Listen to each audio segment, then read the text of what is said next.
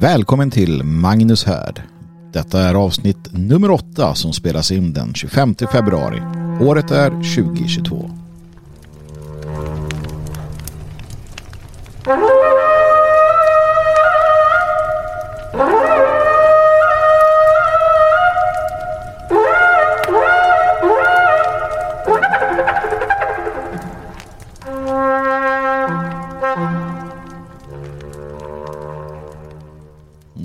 Välkomna ska ni vara.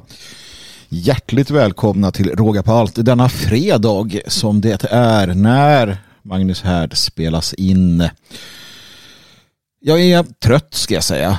Det var igår då en lång sändning, livestream som vi hade eh, på Svegot här eh, med anledning av den ryska invasionen av Ukraina och eh, vad som hände där och um, det blev sent på kvällen och jag sov dåligt. Och man, man försöker ju vara med så mycket som möjligt och uh, ja, se vad som händer och sker, orientera sig. Och någonstans få rätt sida på saker och ting. Det är naturligtvis omöjligt med tanke på att uh, i krig så är sanningen och uh, den, den riktiga informationen den första fienden. Men vi kan ju konstatera i alla fall att det pågår ett krig i Ukraina. Att landet är invaderat. Eh, allting tyder också på att eh, de ryska trupperna börjar närma sig, eh, eller för den delen när det här spelas in har gått in i, i Kiev bland annat. Då. sannolikheten är rätt stor att man inom en, ett par dagar, någon vecka, vad det nu kan vara, har tillskansat sig kontrollen över de större städerna. Om det nu är den, om det är det man, man är ute efter så att säga. Men innan, innan, innan jag går in på det här, eh, för jag ska prata lite grann om detta, eh, så vill jag bara påpeka, påminna eh, och gratulera min vän och kollega Björn Björkqvist. Han fyller nämligen år denna dag. Ehm, och få personer har som han varit lojal och stått fasta under årtionden för vår sak. Och det ska hedras. Det ska hedras eh, på alla sätt man kan. Och han står fortsatt fast. Det är ingen som har det är ingen som har eh, alltså, det, det, det, är ett, det, det är en uppoffring man gör helt enkelt. Och jag, jag känner, ett, ett, eh, jag, känner att jag vill, jag vill uppmärksamma detta. Jag vet inte hur gammal han blir va? Han ser säkert äldre ut än han är. Och jag, jag, vet inte ens om Björn kommer att lyssna på det här. Eh, jag tror att han lyssnar lika mycket på mina poddar som jag lyssnar på det han gör. Det blir sällan att man gör det. Så att eh, skitsamma. Eh, då kan jag nästan bre på ordentligt eftersom han kommer aldrig höra det och, och bli mallig utav det. Va? Men eh, kul för honom att fylla år igen. Det betyder att han lever av hälsan i vart fall. Ja, varje år är en välsignelse. Eh, jag vill uppmana dig också, kära, kära lyssnare, att eh, rikta en eh, tanke naturligtvis, en gratulation på olika sociala medier. Det är alltid skönt och trevligt och kul att få, få en sån. Men också att du, du eh, ser till att swisha en liten eh, födelsedagsgåva till Björn. Eller stor, det, det får du avgöra själv. Han förtjänar det. Han förtjänar att få en gåva utav oss alla. En, en, eh, som gör att han idag kan eh, eller i helgen kan unna sig lite extra. En eh, smaskig tårta eller en god middag eller bjuda ut sig själv eller någon annan för den delen eller vad han nu vill. Eh, det är knapert. Det är inte eh, lyx och sötbrödsdagar eh, att, att göra det vi gör. Så att eh, jag tycker nog att vi alla kan ehm, skjuta in lite grann denna dag. så att eh, mitt förslag är att du swishar en, en gåva som sagt och Gör det till eh, nummer 0765 664369. Den här finns också eh, på hans eh, YouTube-kanal. Uh, där kan du gå in, eh, sök på Björn Björkqvist på YouTube så, så, finns uppgifterna där. Men gör det, skicka en gratulationshälsning via swish 0765 664369. Som sagt, det är han ju värd eh, kan vi alla tycka. Så så är det med den saken. Och eh, nu går vi vidare. Nu fick jag vara glad ett tag. Va? Men, men det ombyts ju ganska snart till att man inte är glad.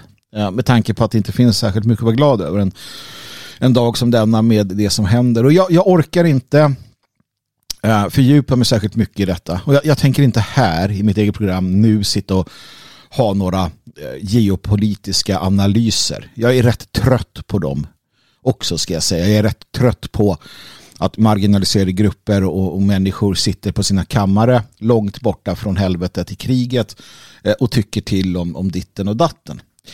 Eh, jag säger inte att man inte får ha åsikter om det geopolitiska läget. Jag säger inte att man inte kan analysera, fundera. Jag gör också det kring det här. Jag, jag säger inte ens att, att man inte får tycka att eh, Rysslands agerande är rätt eller att västs agerande är rätt. Jag säger ingenting av det.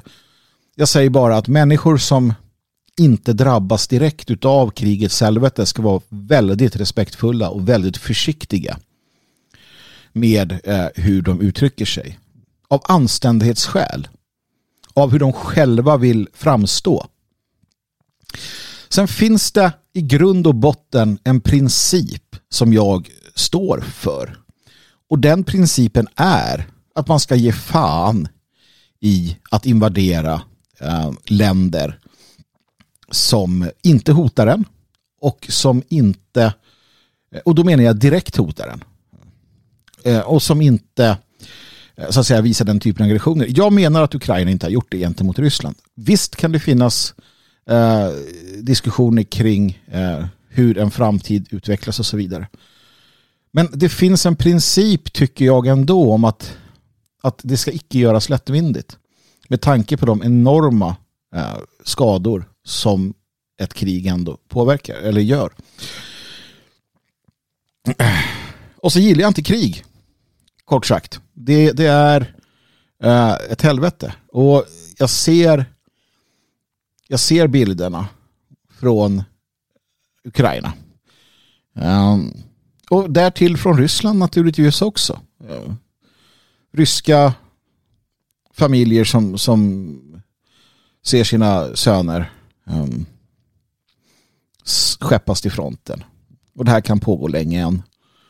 Och faller städerna så, så, så tror jag att även om det alltså det kommer inte med, med all sannolikhet så kommer det ta vid ett, ett grillakrig um, som kommer fortsätta, som kommer drabba civilbefolkningen. Uh, jag uh, och, och alldeles oavsett om det är i slutändan bra. Alltså att det blir en mer multipolär värld. Här måste man kunna hålla saker åtskilda. Det mänskliga lidandet är fortsatt det mänskliga lidandet. Jag såg en, en filmsekvens när en far äh, kramar om sin, sin dotter, en tjej på, inte vet jag, fem, sex, sju år. Hon går på bussen med sin mor antagligen och pappan då säkert i min ålder lite yngre är kvar och ska nu få en, en, en Kalashnikov i handen ja, och försvara Ukraina, försvara Kiev. Ta de geopolitiska analyserna och stoppa upp arslet en stund känner jag när jag ser det. För att det finns ett mänskligt lidande, det finns så mycket som händer som, som man bör stanna upp vid. Och det är ganska obehagligt när vi som inte drabbas direkt eh, sitter här och levererar våra sanningar. Det är bra det Ryssland gör. Eller som andra, det är bra det, det NATO gör. Vi måste gå med i NATO så att det blir ordning på detta. Jag tar fram uniformen. Förbannade krigshetsare. Förbannade krigshetsare från alla sidor. Nationalismen är, hör och häpna, en fredsrörelse. Det är en fredsbringande idé om respekt mellan folk, mellan länder, mellan raser, mellan ideologier. En nationalist är en person som älskar sitt folk. Älskar man sitt folk så vill man inte ha krig. Det säger väl sig självt. Älskar man sitt folk så gör man allt man kan för att undvika krigets fasor. Man förbereder för det värsta, man hoppas på det bästa och man gör allt man kan för att undvika krig. Det är ju en nationalistisk grundsentens. Förstår man inte det så förstår man inte mycket kan jag tycka. Det finns en tid för krig. Absolut. Men en ledare som väljer kriget måste göra det med den djupa förståelsen för vad det är för skada man därvid lag också åsamkar. Särskilt om du väljer kriget mot ett eh, brödrafolk i raslig bemärkelse. Då bör man överväga vad man håller på med väldigt noga. Jag förstår Rysslands eh, rädsla, irritation och så vidare för det, det, det genererade västs utveckling. Det gör jag. Jag förstår att man vill ha buffertzonerna. Jag förstår det. Men fortsatt så är det en princip att man inte eh, att man inte angriper suveräna stater och gör man det så ska man räkna med att de slår tillbaka. Det är en röra. En salig röra. En sorglig salig röra som varje person med en nationalistisk grundsyn mår dåligt inför och höjer sin röst emot. Man höjer sin röst emot det som pågår. Vi vill icke-krig. Och vill man krig, tycker man att det är en bra idé, ja, då finns det möjligheter, jag är rätt säker på, att ansluta sig som frivillig. Ehm, om man nu känner så starkt för till exempel eh, eh, Ryssland som en, en, eh, en, en frälsare för den nationalistiska idén, ja men då finns det möjligheter att, att åka över och skriva in sig i något förband på fronten. Ehm, återigen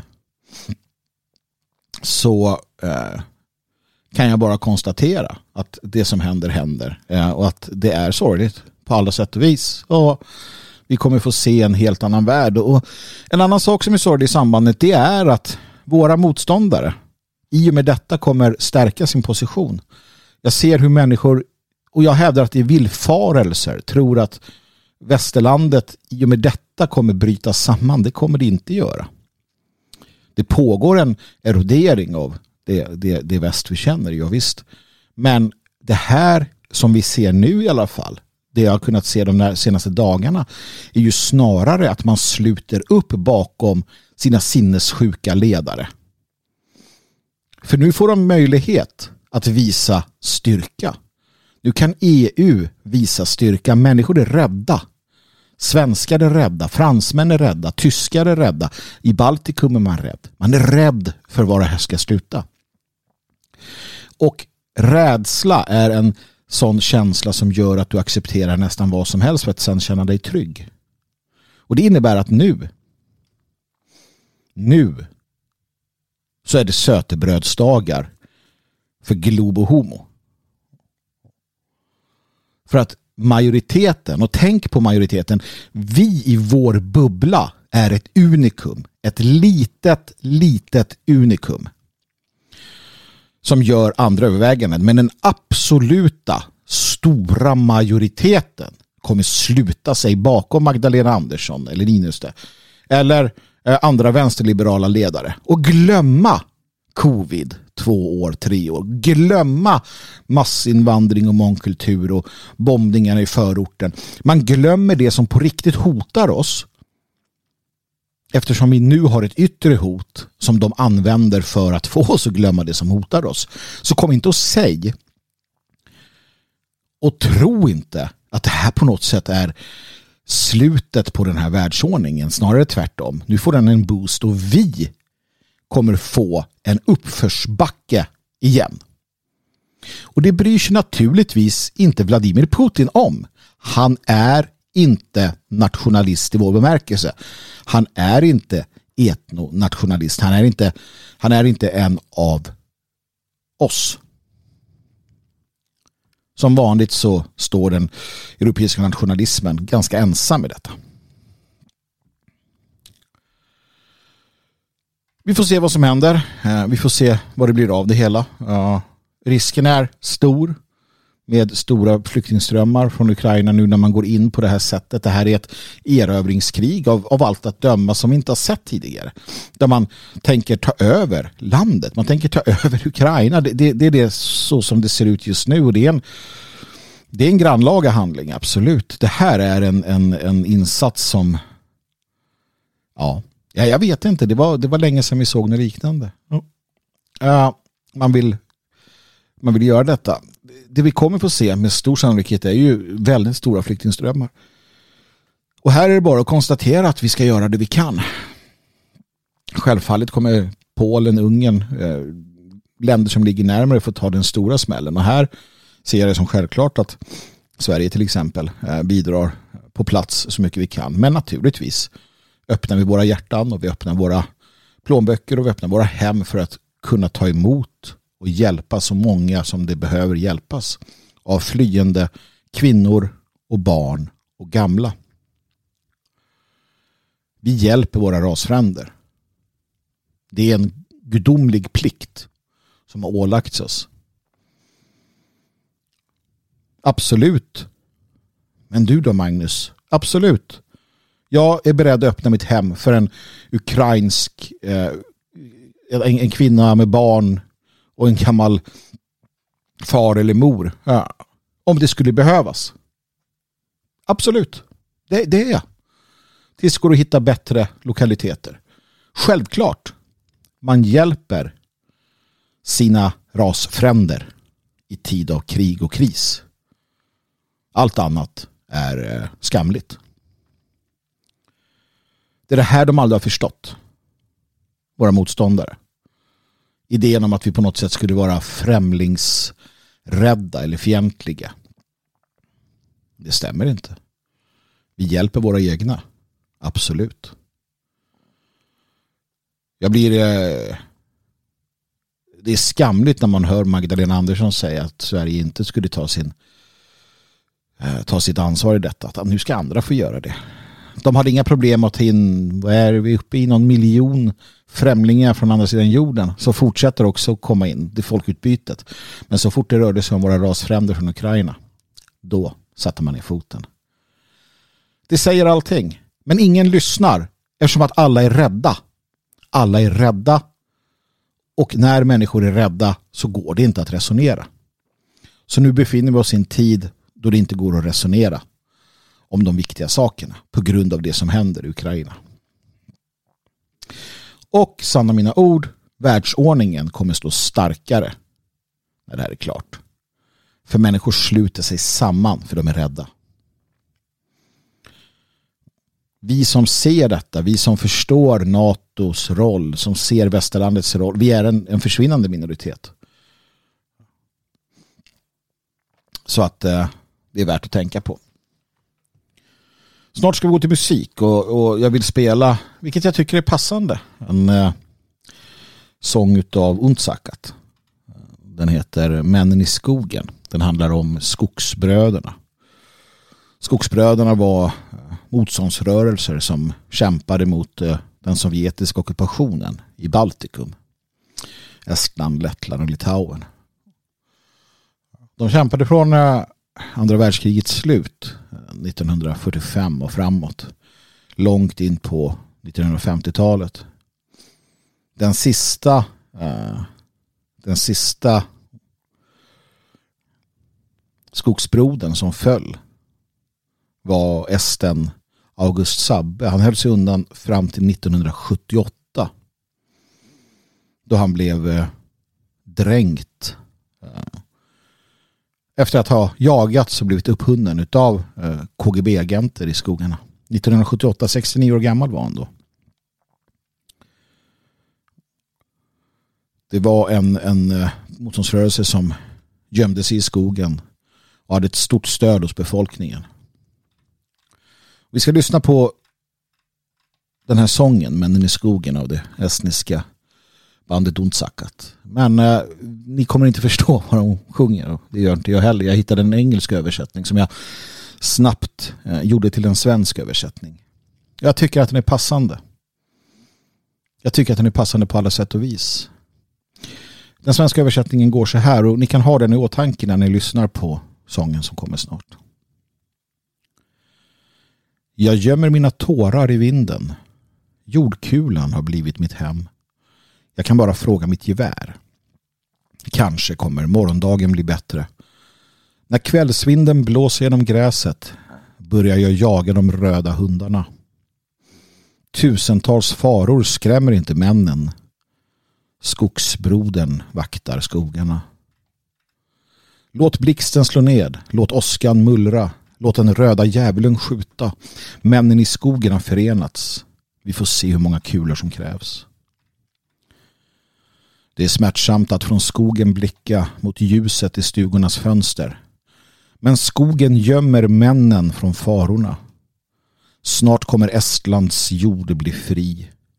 Mörkrets makter kan aldrig besegra ljuset som lever i bröstet. Och hoppet lever alltid där friheten hålls kär. Låt blixten slå ned, låt åskan mullra, låt den röda djävulen skjuta. Männen i skogen har förenats. Vi får se hur många kulor som krävs. Låt blixten slå ned. Låt åskan mullra. Låt den röda djävulen skjuta. Männen i skogen har förenats. Vi får se hur många kulor som krävs.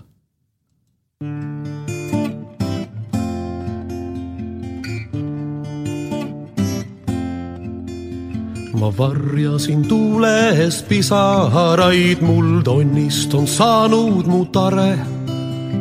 oma püssilt saan küsida vaid, ehk homne on tulemas parem.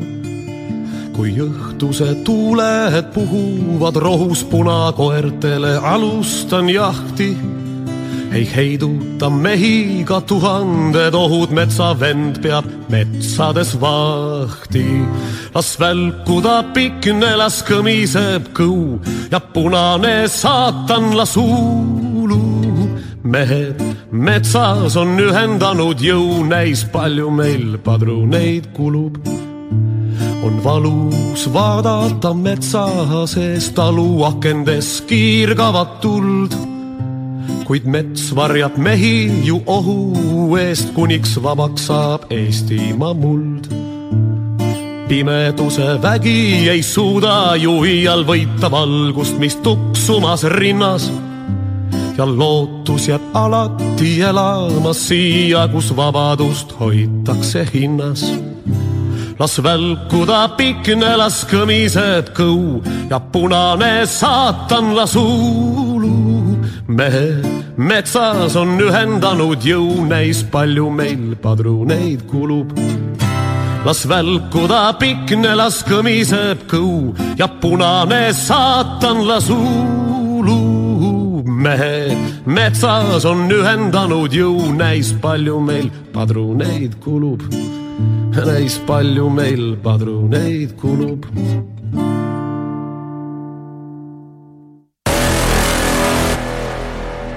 Nu får jag skärpa till mig. Uh, sluta hänga läpp och gå in på de viktiga sakerna. Eller inte de viktiga sakerna, eller jo de viktiga sakerna. Ja, ja, det blir ett annat program idag. Jag, jag, har inte så mycket monologer att ge i den bemärkelsen att jag har några saker jag vill prata om mer än det jag tog upp här angående kriget i Ukraina. Det är lite så att det, det har, ja, man blir modfälld och det, det är lite tråkigt. Va? Så att um, man, man, har inte den där glöden och geisen. Men jag räddas ju av er kära lyssnare eh, och era inskickade frågor som kommer kunna boosta hela den här energin man, man behöver. Ja, och jag har ett antal frågor att gå igenom och jag tänkte att jag ägnar programmet åt att svara på era frågor och funderingar och resonera kring dessa så gott det går. Och sen eh, så nöjer vi oss med det och så tar vi nya tag till eh, nästa fredag. Tack så hemskt mycket som sagt för att ni eh, skriver in. Det, det är riktigt roligt och eh, fortsätt med det. Magnus här at protonmail.com Magnus som det stavas och sen H-A-E-R-D. Mailen, eh, mailadressen finns också i texten här eh, till detta avsnitt. Kai har skrivit in och han skriver så här. Jag satt och funderade lite över uttrycket det var bättre förr. Vilket faktiskt inte stämt någon gång tidigare i historien. Ja, med några udda undantag kanske. 1100-talet var bättre än 1000-talet. 1200-talet var bättre än 1100-talet.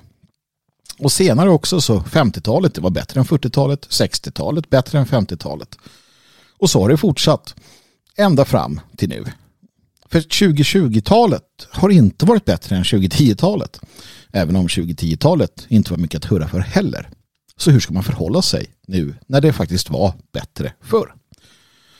Och hur kommer ett samhälle och dess medborgare som upplevt att det blivit bättre eh, år förr eh, nästan alltså av sig självt, hur kommer de reagera? Kommer man deppa ihop, i omkring eh, eller kommer man spotta i näven och börja bygga en ny era? Ja du Kai, det är en bra fråga. Och först och främst är det ju sant. Jag, jag har också, alltså, problemet ligger i, tror jag, att vi gärna tänker att det var bättre förr. Alltså vårt, vårt sinne fungerar på det sättet. Jag minns min barndom eh, och det är bara sådär sprakande fint och bra. Och jag minns 90-talet ehm, och tänkte att gud vad bra det var jämförelsevis. Och jag tror att man tittar tillbaka på ett romantiskt skimmer för att man, man, det var en mindre värld. Ju äldre man blir desto större blir världen, desto mer medveten om världen blir man. Och, och, och det är ju sant att generellt sett så utvecklingen går framåt. Och sen, sen är ju frågan också, vad, vad är bättre? Alltså, på vilket sätt var det bättre för? Eller när var det? Alltså vad är det för, för mått vi använder civilisationsmässigt? Så blir det ju bättre hela tiden. Mediciner och fort, fortskaffningsmedel och kommunikationsmedel, hjälpmedel och andra hjälpmedel. Så, så, så är det ju bättre. Men å andra sidan den moral och etik och rättsordning som kanske fanns under ja, när man skrev Västgötalagen var ju långt mycket bättre än, än den som var eh, innan. Och, alltså, det finns ju, eller den som kommer efter. Så att frågan blir ju lite grann vad man lägger i ordet bättre. Vad, vad är det vi vill ha som är bättre? Och, och ja, jag är ju, jag är ju av den åsikten, jag är ju, tillhör ju tillhör ju den, den falang som, som kanske inte stirrar sig blind på det materiella på det sättet. Eller det materiella, det är fel. Jag gillar, att, jag gillar att ha det bekvämt, jag gillar att ha det bra. Vi strävar mot detta såklart. Men det är just den här äh, materiella världsordningen, synen på, på världen eh, jämte eller motställd mot den, den andliga synen.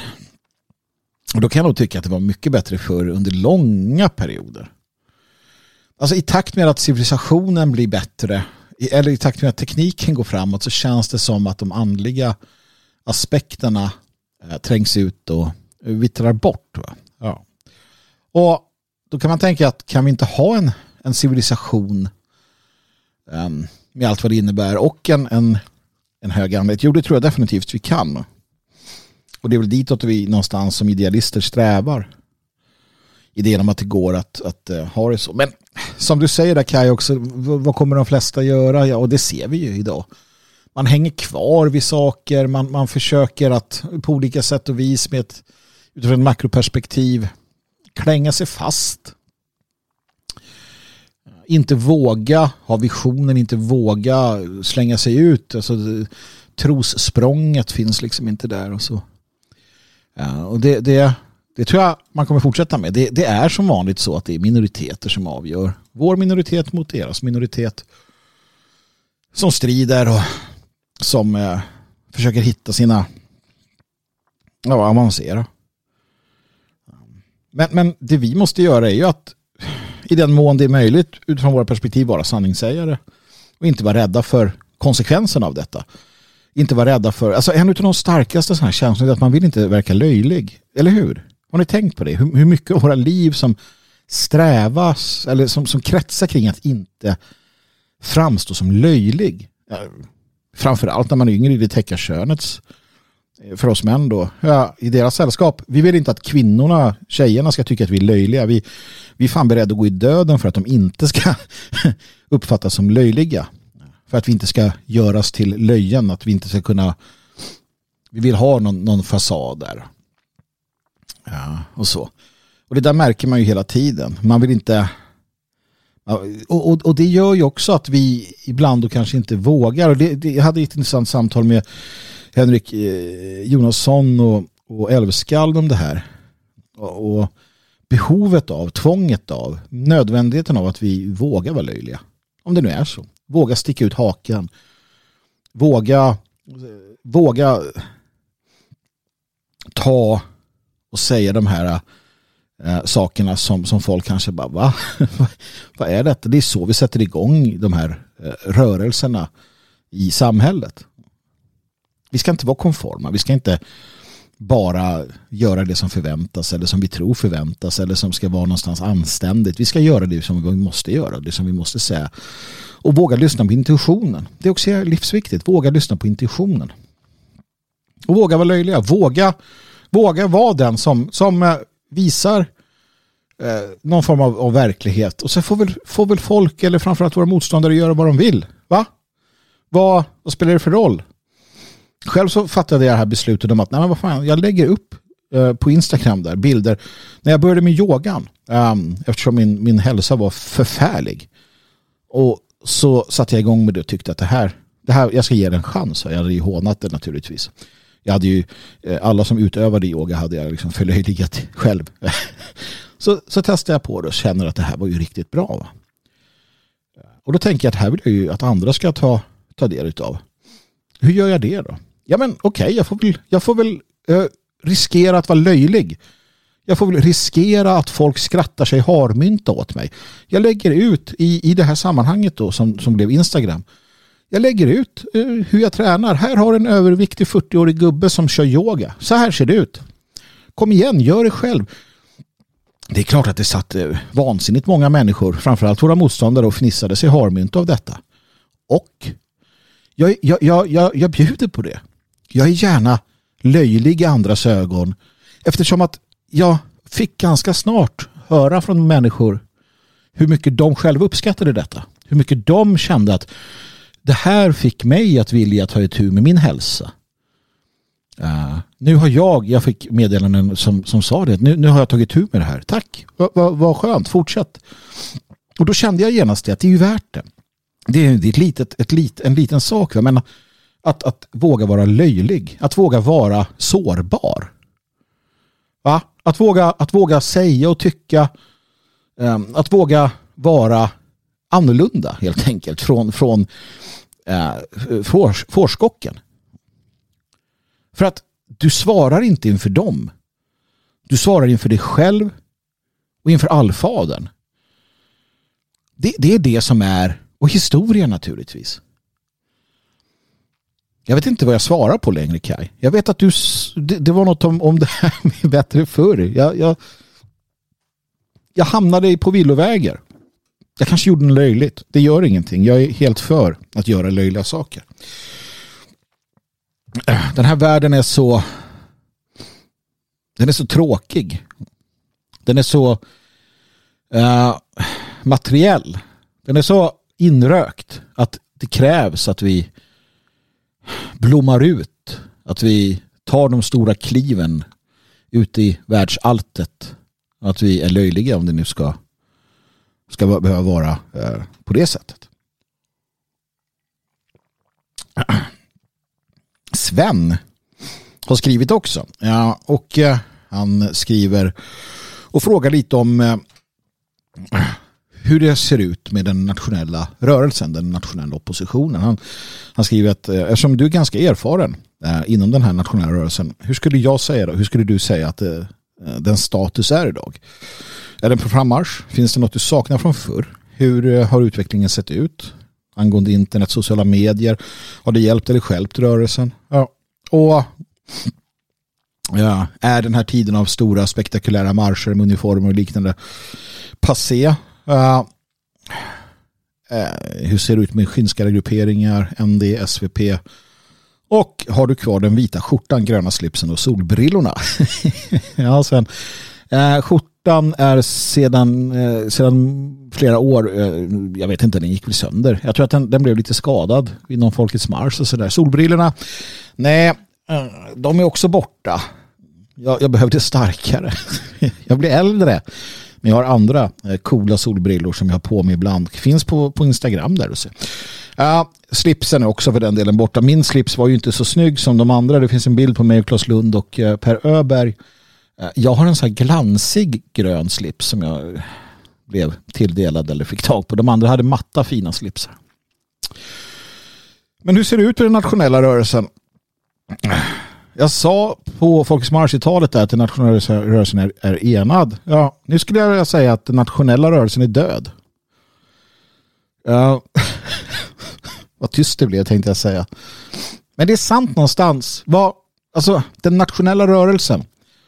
Jo, den nationella rörelsen är död och vi behöver inte återuppväcka den. Låt, låt liket ligga. Låt uh, den nationella rörelsen uh, vila i frid. Den har gjort sitt. Uh, och det krävs en ny tid. Om man någonstans tittar på den nationella rörelsen, vad, vad skulle det i sådana fall vara i, i vår tid? vilka är det som upprätthåller den?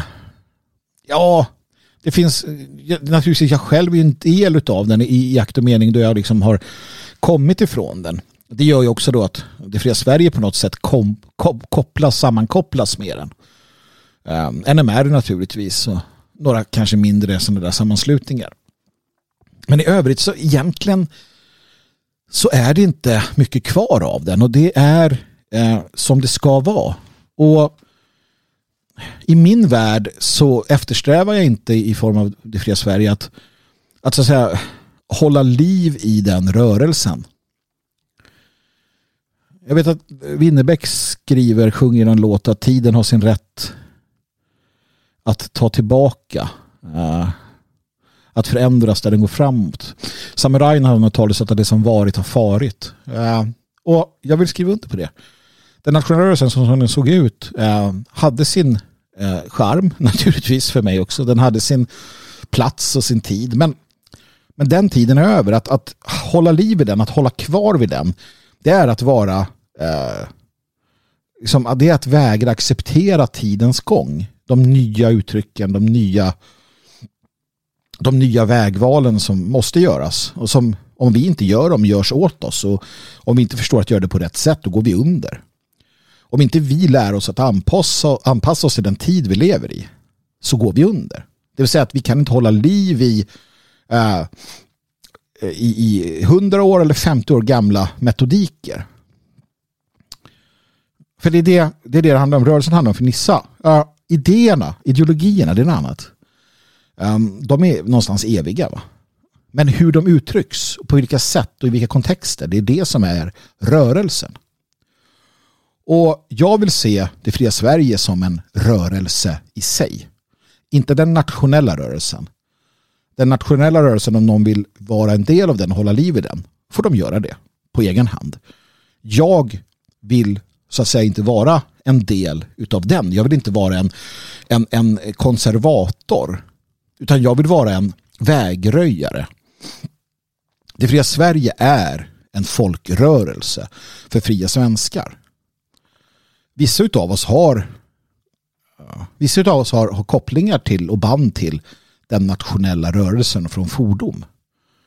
Men det är sånt som vi kan sitta och skoja om och eh, prata om och vara nostalgiska inför. Absolut, och jag har inga problem med det, men jag tror att man ska göra en, en skillnad där ändå. Och, och där någonstans är det bra att deklarera, tycker jag, att den, den nationella rörelsen är död. Och eventuell nekrofili i sammanhanget får stå för dem som, som vill ägna sig åt det. Vi andra tar, tar nya kliv. Vi säger tack och adjö. Vi, vi kramar eh, det som har varit och går vidare. Jag tror inte att det var svaret du tänkte på. Va? Men det blev så tydligt eh, när, jag, när jag funderade på det. Det blev så väldigt, väldigt tydligt. Den nationella rörelsen är död. Länge leve den, den, den fria svenskans vilja till förändring i vår tid. Och vi gräver där vi står. Vi gräver i vår mylla. I vår svenska mylla, i vår germanska mylla. Där hittar vi förebilder, där hittar vi, eh, där hittar vi idéer, känslor. Men uttrycken som formar rörelsen, den rörelse vi måste ha. Egentligen så la jag grunden för det här när jag skrev boken Till värn för Norden. För där skriver jag också om behovet av en nationalism för 2000-talet, vilket är en rörelse för 2000-talet. Och därför är det så som du säger. Ja, det är passé. De stora demonstrationerna, att, att visa upp sig med eh, påfågelfjädrarna på, att, att eh, gå runt i stan på det sättet vi gjorde. Det är passé och för mig ingenting att hålla liv i. Det är meningslöst. Kan till och med vara kontraproduktivt. Och det är därför som, som föreningen i Fria Sverige absolut inte gör det heller. Betyder det att demonstrationer är passé? Nej, inte nödvändigtvis. Och det kan fylla sin funktion. Men återigen, det är metodiken, taktiken. Um, jag menar, om vi hållit på med en sak i ett, två decennier och det inte riktigt ger resultat, då måste vi sluta med det. Då måste vi titta över våra taktiker. Ett företag som efter första halvåret, andra halvåret, tredje halvåret börjar så här, okej, okay, hur går det egentligen? Får vi, får vi någon, någon, någon framgång? De, de ändrar sig ju direkt. Va? Nationella rörelsen tenderar att dra saker i långbänk. Vi eh, var så övertygade om vår egen förträfflighet och, och att, eh, att vi visste vad vi gjorde, att vi vägrade inse att nej, här måste vi gå vidare och de som gick vidare, de slog vi ner på. de var modernister. Mm. Så att, eh, nej Sven, eh, utvecklingen går framåt och det måste vi också göra med den. Men vi måste hålla liv i de grundläggande principerna. Det är de som vägleder oss. Men metodik, taktik, allt sånt kan slängas på skräphögen när som helst. När som helst. För att eh, ta nya kliv. Och det går framåt. Det är ju det också. Jag kan se det här från, i mitt fall, då, tidigt 90-tal. Så ser jag ju vilka enorma framsteg vi har gjort. Jag kan tycka att vissa är besvärliga. Jag kan tycka att vissa är jobbiga. Jag kan tycka att det, jag inte vill att det skulle vara på det sättet. Men det är som det är. Och det är fantastiskt att se. Det, det utbud ni har, kära lyssnare, med media och poddar och underhållning, eh, företagande, personer som är offentliga, medvind i politiken. Ehm, allt det här, det fanns inte. Det var hårdare, det var kallare, det var kargare. Samhället, ja det faller absolut, men oppositionen i en bredare bemärkelse, den, den mår ganska bra. Ehm, den är diversifierad.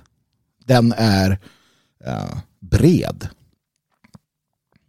Svegot och det fria Sverige, vi, vi, har en, en, vi har inmutat en del av den och vi anser ju naturligtvis, eh, är rätt övertygade om att det vi gör, alltså att bygga för framtiden, det är livsviktigt. Vi lägger oss inte i realpolitik. Vi, vi kommer vara ännu mer tydliga med att vår uppgift är en annan. Va? Men tittar du till realpolitiken, tittar du till, till den delen också, så, så ser vi ju eh, framgångar. Vi ser eh, intressanta, intressanta händelser.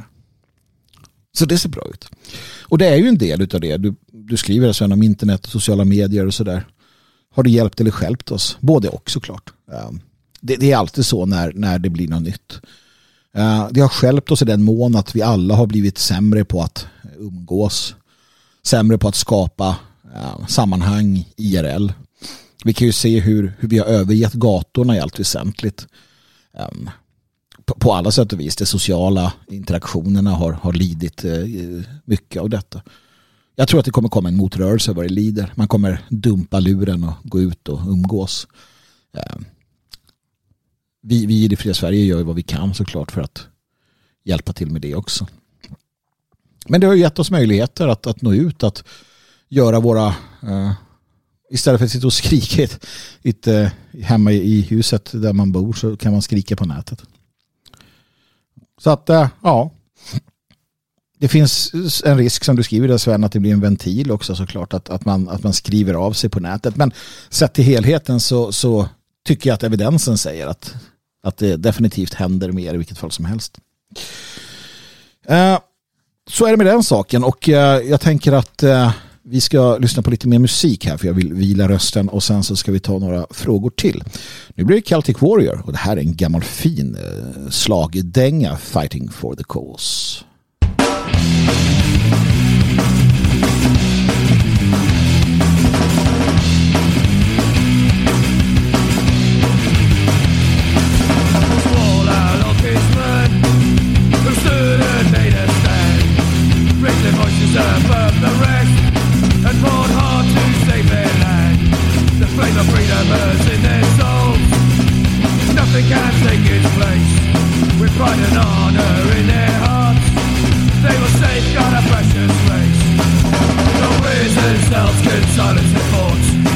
Even if it take longer. For that which does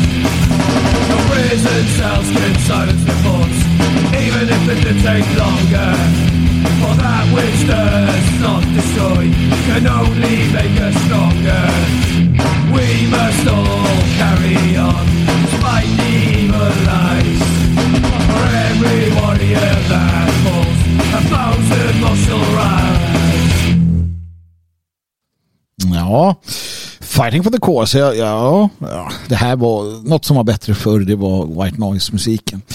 Eh, jag vet att det är inte så många som håller med mig, men eh, det blir ju sådär när man växer upp med någonting så är det det som, som fastnar och ja, det är här ni kommer få höra det.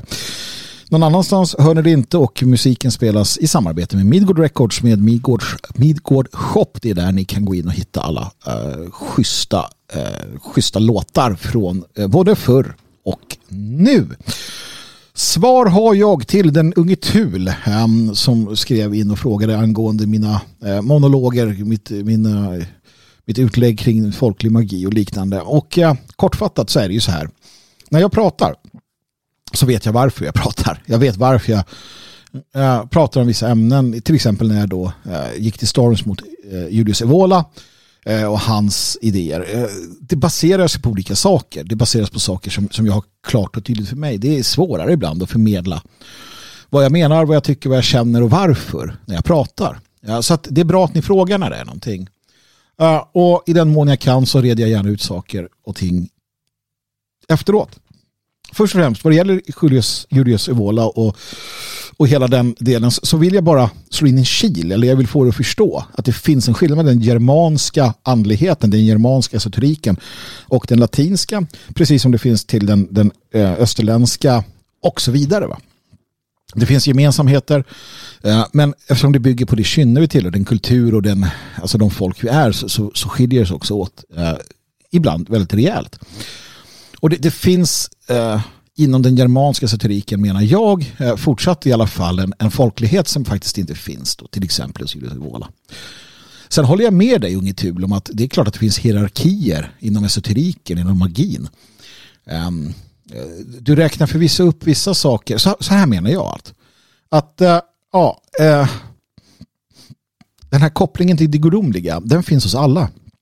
Alla germaner av sang real, av kungligt blod med det kungliga blodet. Alla germaner, alla arier eh, och arierna är de två gånger födda som eh, Miguel Serrano lärde.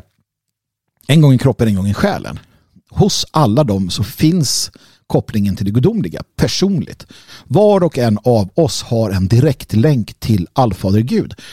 Vi behöver ingen präst vi behöver ingen pastor, vi behöver ingen biktfader. Vi talar direkt till allfader Gud. Uh, framförallt genom, genom sonen. Och, och, så är det. Det är vår fader och man pratar direkt till sin fader. Du behöver inte gå via någon annan.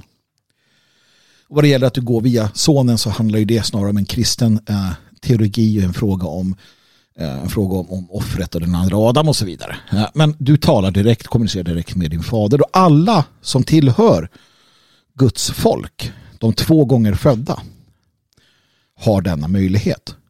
Och de har därvid också den möjligheten att söka Gud och förstå Guds mysterier, denna världens mysterier, det vi kan kalla för magi eller vad du vill.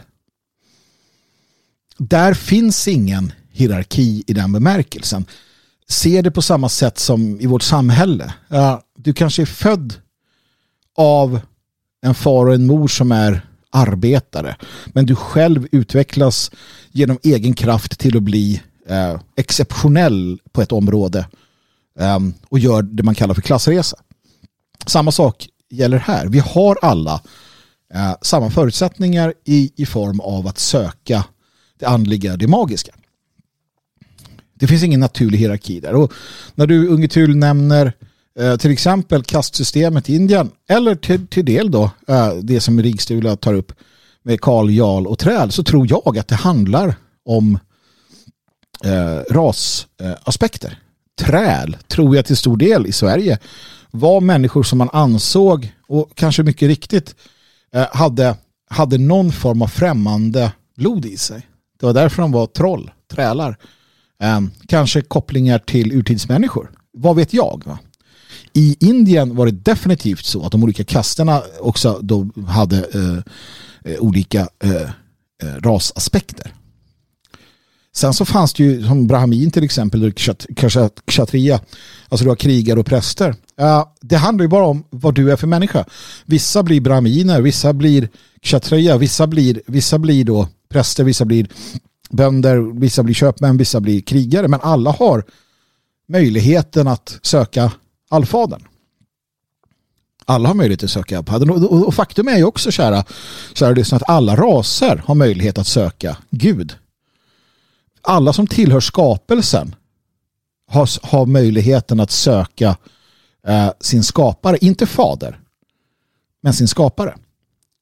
Till och med djuren kan söka skaparen genom att leva enligt sina instinkter, genom att göra det de gör egentligen. Det är ju inte ett, medveten, ett medvetet val. Men alla, alla som kommer av skaparen, som är en del av skapelsen, vilket alla kanske inte är, men alla som är det, har en möjlighet att, att kommunicera. Så ser världen ut. Så ser magin ut. Och eh, det är det jag det är det jag menar när jag menar folklig magi.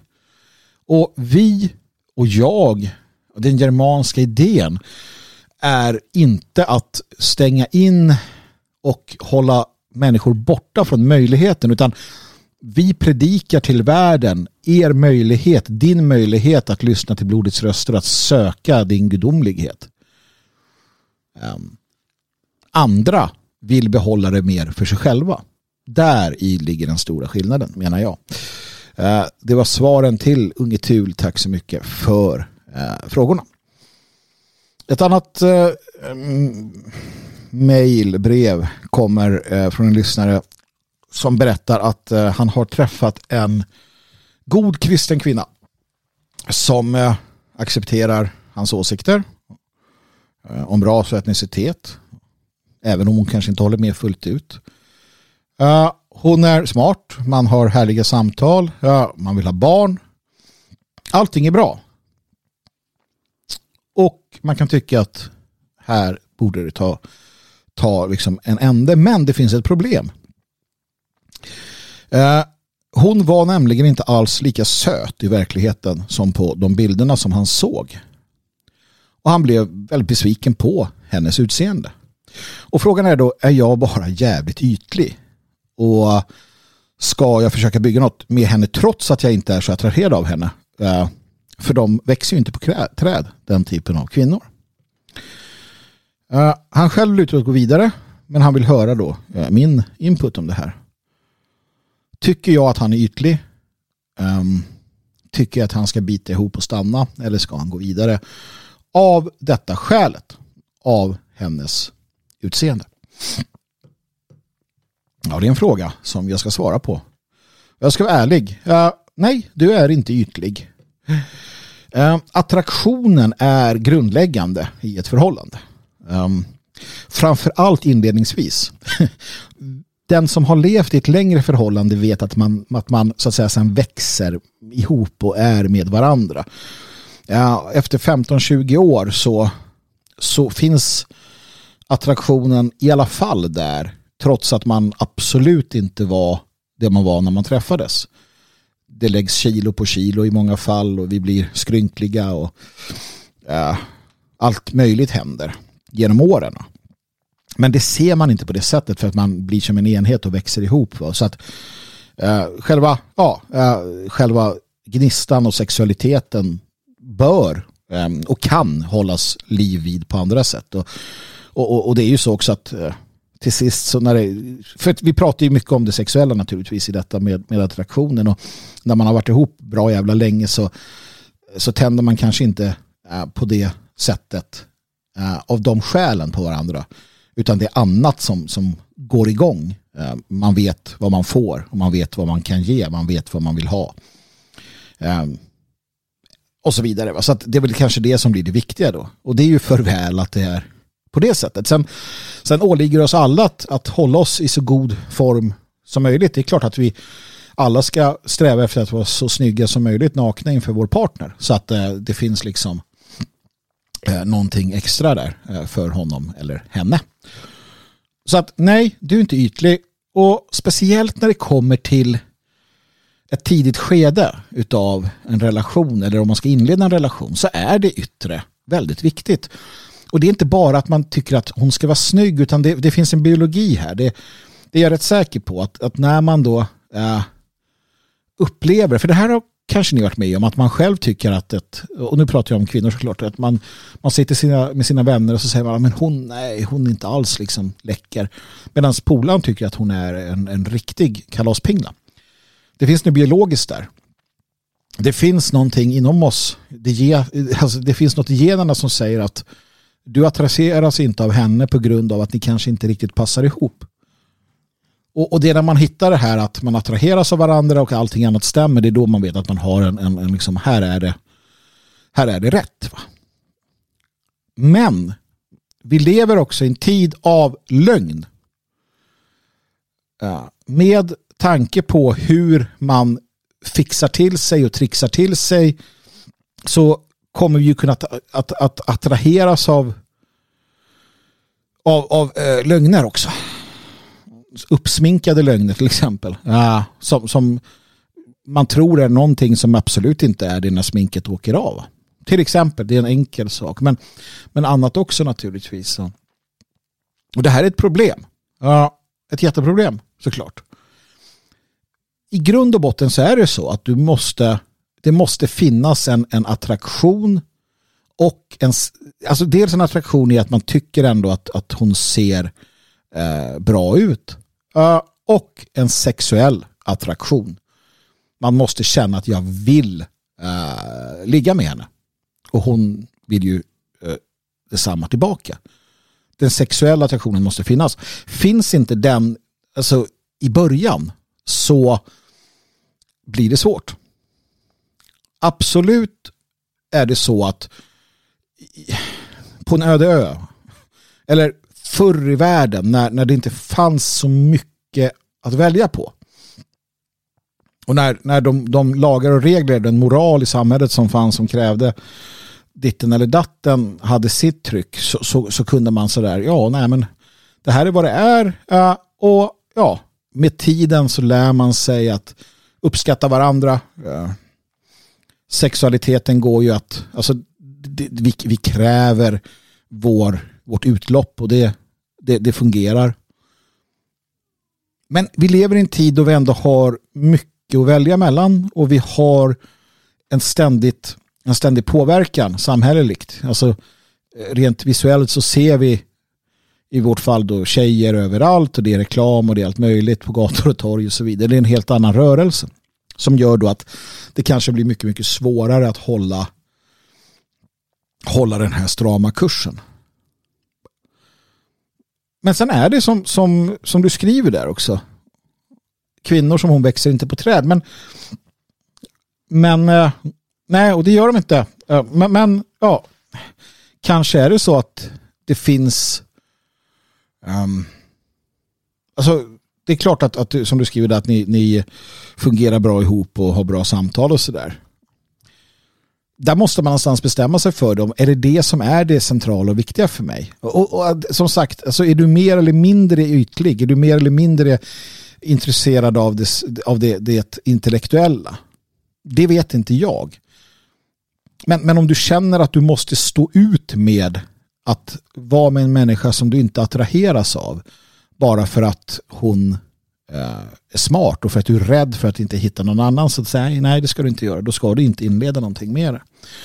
Men är det inte av den magnituden utan att du säger ah, ja, nej, men det är inte det var inte allt jag trodde men visst eh, liksom, ja, hon är sexig på sitt sätt eller har sin charm där eller vad det kan vara någon glimt i ögat eller någon speciell sak som du ändå sådär då är det en annan sak eftersom det funkar så bra ihop men någonstans känns det som att eftersom du ställer frågan så vet du svaret. Och man måste eh, våga följa sin intuition här också. För att saken är den att det finns ju så. Alltså med stor sannolikhet så finns det ju någon där ute, en man, som uh, tittar på den här kvinnan och ser att hon är och ser hennes skönhet. För den finns där, det är jag säker på. Alla kvinnor av ras är, är vackra. Men inte för alla. Så det finns ju män där ute som ser henne som den, den vackraste av alla. Om du då lägger beslag på henne och gör det av de skäl du säger så fråntar du ju den möjligheten för de människorna att finna varandra. Och du fråntar dig själv möjligheten att finna den där som du faktiskt på riktigt tycker är den där vackra och speciella.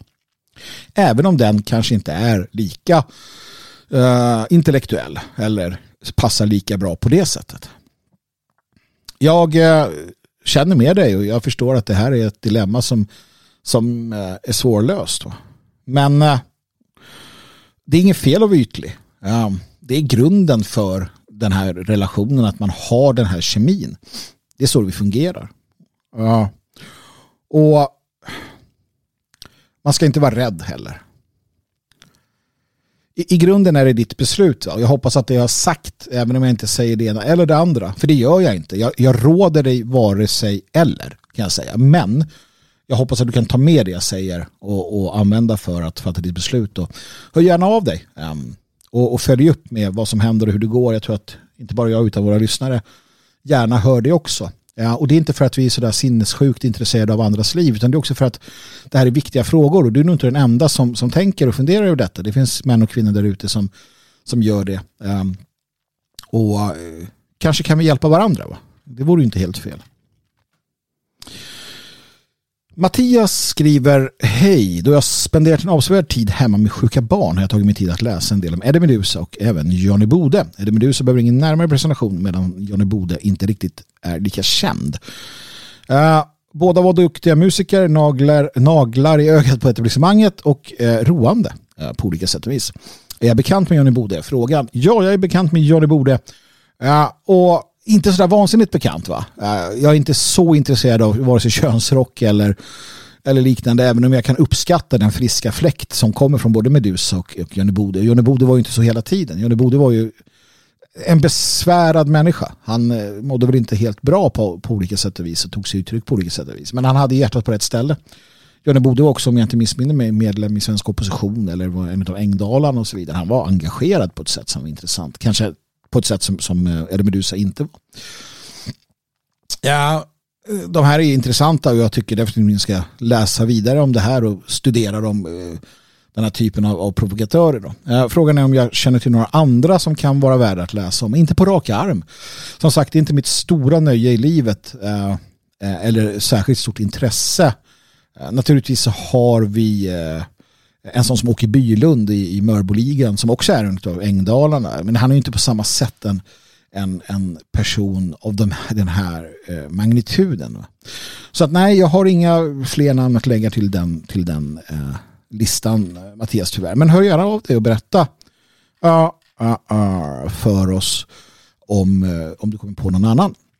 Nu är det dags för lite mer musik. Det blir Code 291 och eh, låten Sten för sten. Allahu, Allahu, ya Rabbi, ya Allah Allahu, ya Rabbi, ya Allah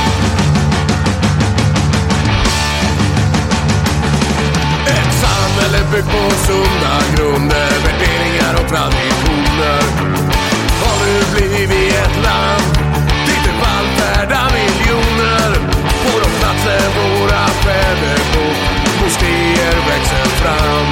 Gör plats för den nya adeln och lev i skam. Illegala immigranter får allt serverat på fat. Medan svenska folket tvingas slava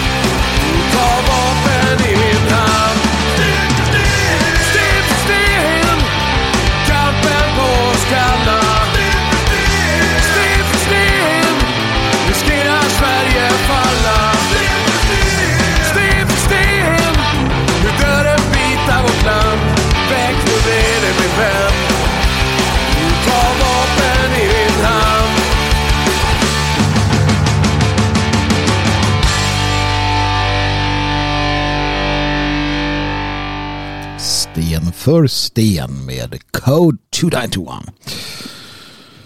Sista brevet eh, som vi går in på kommer från Emma.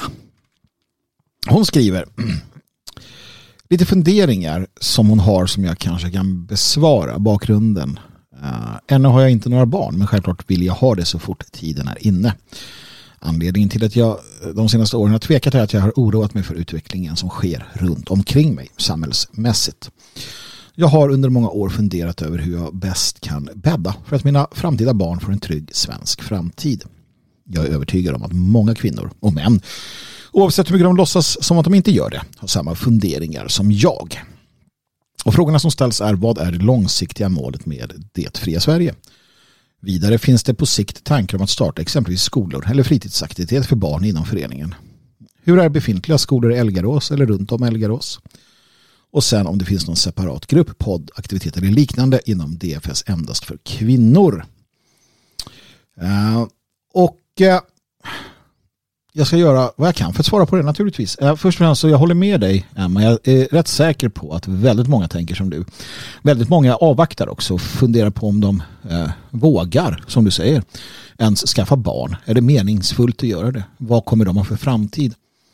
För att när man gör inventeringen av sitt liv där man befinner sig just nu och ställer frågan vem har jag som tar rygg på mig? Vem finns här för mig? Så är svaret oftast ingen. Inte mer än att man kanske har någon del av sin familj eller någon vän. Men, men inte när det smäller, så att säga. När det blir på riktigt. När hyperinflationen slår till nu eller när vad det nu kan tänkas vara händer. När upploppen startar eller när kriminaliteten breder ut sig ännu mer. När det ställs krav på det samhälle där jag bor i. Det här lokalområdet jag bor i från kriminella klaner eller liknande. Vem finns där för mig? Man inser också att staten inte bryr sig. Man inser att polisen inte är vår polis, det är Sverige ABs eh, gäng. Så vad göra? Den biologiska nödvändigheten som du känner att du vill ha barn, den försvinner inte. Den kommer alltid finnas där. Och du som kvinna och mor och jag inser och förstår hur du tänker. Det handlar ju mycket om att, som du skriver, bädda för framtiden. Och det är bra att du tar upp det så frankt som du gör. Ja. Och för att svara på dina frågor. Det långsiktiga målet med det fria Sverige. Det långsiktiga målet med det fria Sverige det är att skapa säkra områden för svenskar. Om, om vi tittar i, i praktiken det som berör det du skriver. Det är att på olika platser i Sverige skapa säkra områden för svenskar. För fria svenskar. Framförallt för oss, vi som är en del av detta som hjälper då, hjälps åt att skapa detta.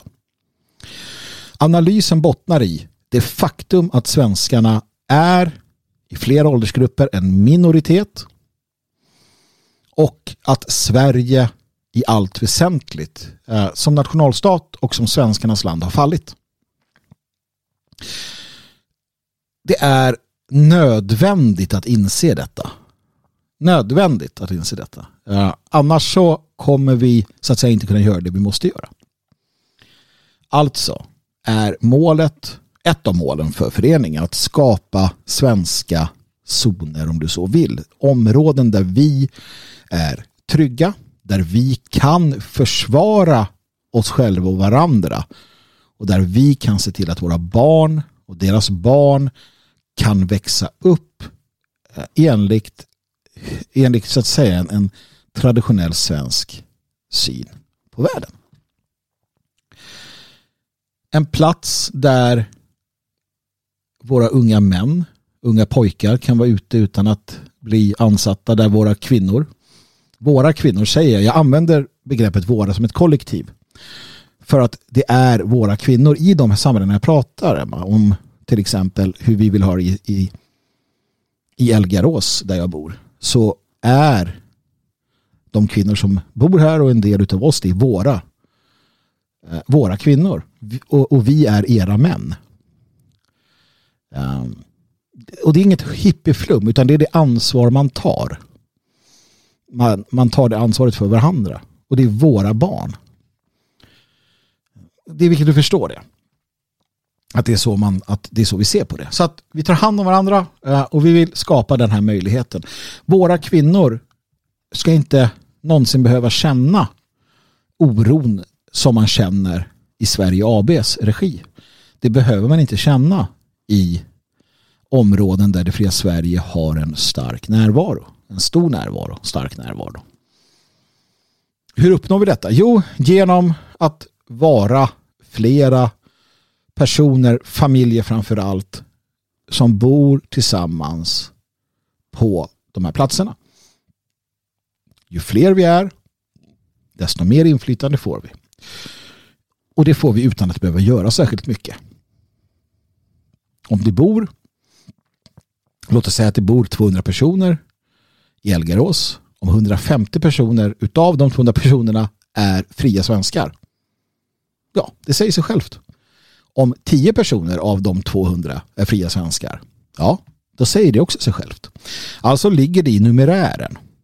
Delvis. Sen kan vi i, i kraft av dem vi är och vår förmåga och att vi är en, en positiv kraft i samhället naturligtvis ha ett inflytande utöver de personer vi faktiskt är. Alltså antalsmässigt.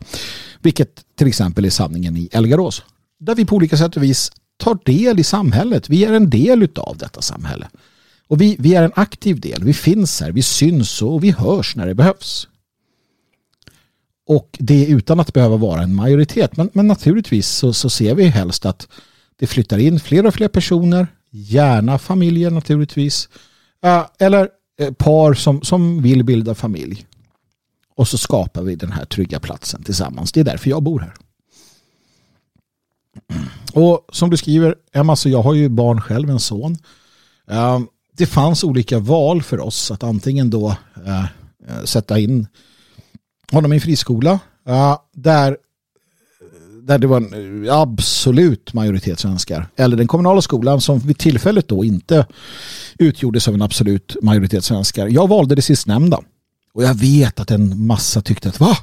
Hur kan du göra det? Du ska sätta honom i en svensk skola. Nej, det ska jag inte alls det. För att som jag resonerade så vet jag att min son kommer att eh, leva i ett mångkulturellt samhälle. Min son kommer när han börjar i högre kurser leva i ett mångkulturellt samhälle. För det är så. Det är så när de blir äldre. Så är det så. Att då skydda honom eh, eh så att säga från den, den påverkan eh, några år eh, i, i den åldern. Det, det, såg jag inte som meningsfullt. Snarare tvärtom såg jag det som nödvändigt att, att eh, ganska snart och omgående. Han hade levt nämligen väldigt skyddat när vi bodde i, i Tyskland. Så, så behövde han börja förstå hur samhället är beskaffat. Ja, och det har för, fallit väl ur. Saken är den också att så länge så länge det är tydligt vilka som är de, de dominanta så, så, så, klarar man sig rätt bra också. Vad det gäller skolor nu du frågar i eh, Elgarås, i den skola vi har, eh, den kommunala skolan som ligger nära. Eh, jag har inga problem med den alls. Det är där min son också går. Ehm, jag har inga problem med, med vare sig lärarna eller, eller sammansättningen av, av eleverna. Det, det, det finns inga problem. Jag tycker den är, är bra. Ehm, Tycker den eh, är bra och, och, jag har inte mötts på annat sätt än med all respekt utav de som arbetar där. Sen kan vi tycka vad vi vill om skolväsendet. Va? Ja, när barnen blir lite äldre så går de i Töreboda i centralskolan där som samlar då elever från olika, eh, olika delar av kommunen. Ja, och jag är inte insatt i exakt hur det ser ut där. Eh, det jag har hört är att det inte ska vara några större eh, problem. Men det är som det är. Vi lever ju i den värld vi lever. Men det jag vet, Emma, det är att om några av våra barn, våra barn, hamnar i problem så finns det många vuxna där för honom eller henne. Och det är det som är fördelen och skillnaden när vi är tillsammans, när vi bygger tillsammans, det är att man inte står ensam. Jag vet nu när jag sitter här vem som har min rygg. Jag vet vilka och hur många händer som greppar min hand om jag behöver den hjälpen. Och de bor alla ganska nära. Och de vet att bland annat min hand finns där när den behövs. Och det är det här som det fria Sverige i praktiken arbetar för. Sen har vi andra delar utav verksamheten. Den mediala delen naturligtvis. Eh, att vara en, en, en uh, intresseförening för svenskar där vi utåt agerar och resonerar och, och, finns med våra resurser, våra ekonomiska och andra muskler för att kunna stå upp för svenskar både här och där. Men det är den andra aspekten. Jag tror att du nog var mer intresserad av den, den, den aspekten jag nämnde då. Och det här sker framförallt i Elgarås som det ser ut nu. Men ständigt så uppmuntrar vi och uppmanar vi medlemmar som bor på olika platser i Sverige att göra en av två saker. Flytta hit med familj eller skapa de här platserna där ni bor. Börja medvetet titta efter vart man kan stråla samman, skapa de här uh, uh, sammanhangen. Gör man inte det så gör man inte det. Gör man det så gör man enligt mig rätt. Så det är svaret på den frågan. När det kommer till det här med en separat grupp, podd, aktiviteter och liknande för kvinnor inom det fria Sverige så är svaret ja på vissa frågor. Vi har bland annat eh, tack vare vissa, vissa kvinnliga medlemmar Damernas dag som brukar hållas i huset, det fria Sveriges hus här i Elgarås, Svenskarnas hus, eh, en gång om året.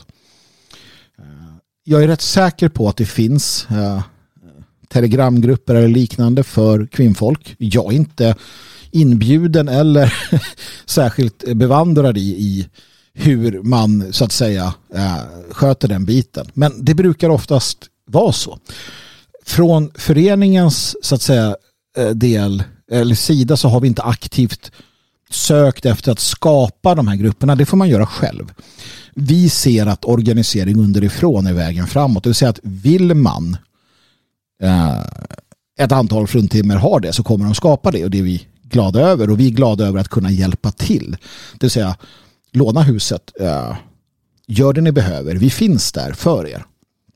Men det är inget som vi sätter igång. Jag, jag vet ju inte vad vad, vad, jag vet inte vad kvinnor vill ha i, i den bemärkelsen. Vilket gör att jag är särskilt dåligt lämpad för att så att säga uh, göra det. Men, men däremot så finns vi. Och, och det finns bra eh, uh, fruntimmers som, som på olika sätt och vis är, är aktiva.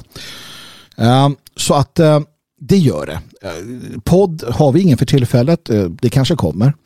Som sagt aktiviteter och liknande. Sen är det ju så att, att de som bor och verkar i ett område, de lär känna varandra. Vi sammanstrålar på aktiviteter och träffar och sen så umgås man ju utanför med dem man vill. Det är ju så att bor man i Elgarås till exempel så behöver man inte umgås med alla som bor här.